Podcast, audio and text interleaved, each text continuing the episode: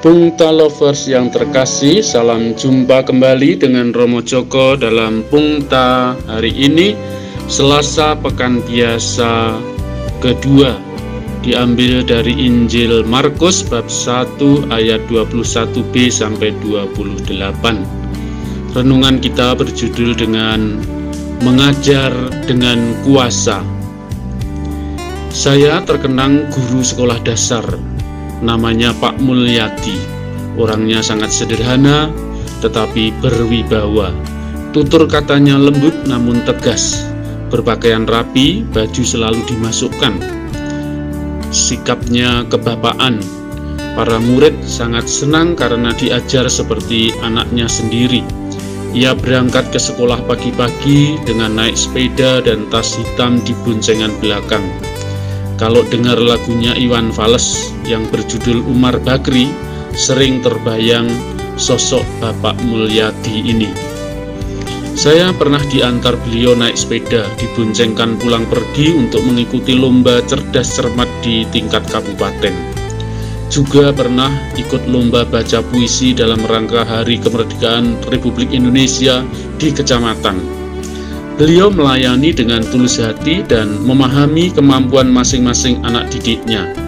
Itulah sebabnya banyak murid sangat menghormatinya. Kami senang sekali menyambut kedatangannya. Melihat beliau di jalan dengan sepedanya, kami berlari, berlebu, berebutan untuk menyalaminya. Ada yang menuntun sepedanya, ada yang membawakan tas hitamnya, ada yang menggandeng tangannya, seorang bapak yang sangat-sangat dihormati. Pungta lovers yang terkasih, Yesus datang di rumah ibadat di Kapernaum. Ia mengajar di sana dan orang-orang takjub mendengar pengajarannya. Yesus mengajar dengan penuh kuasa. Ia tidak hanya menjelaskan isi kitab suci, namun ia berkuasa mengusir roh jahat Ajarannya disertai dengan tindakan kuasa ilahi. Roh jahat tunduk kepadanya. Mereka semua takjub sehingga mereka memperbincangkannya. Apakah ini suatu ajaran baru? Guru ini berkata dengan kuasa, roh-roh jahat pun ia perintah dan mereka taat kepadanya.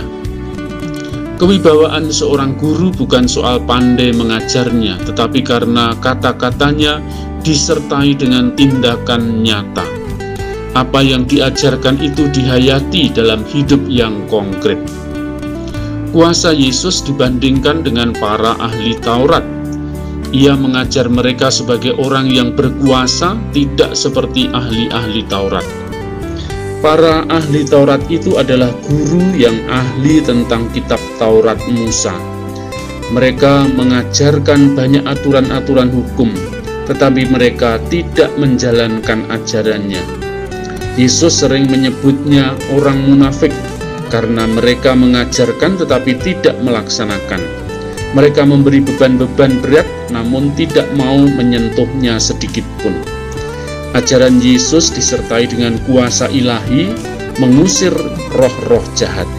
Inilah yang membedakan ajarannya dengan para ahli Taurat. Kalau ingin diterima dan dihormati, jangan hanya mengajarkan, tetapi juga harus melakukan apa yang diajarkan. Jangan hanya pandai berkhotbah di mimbar, tetapi wujudkan dalam tindakan nyata.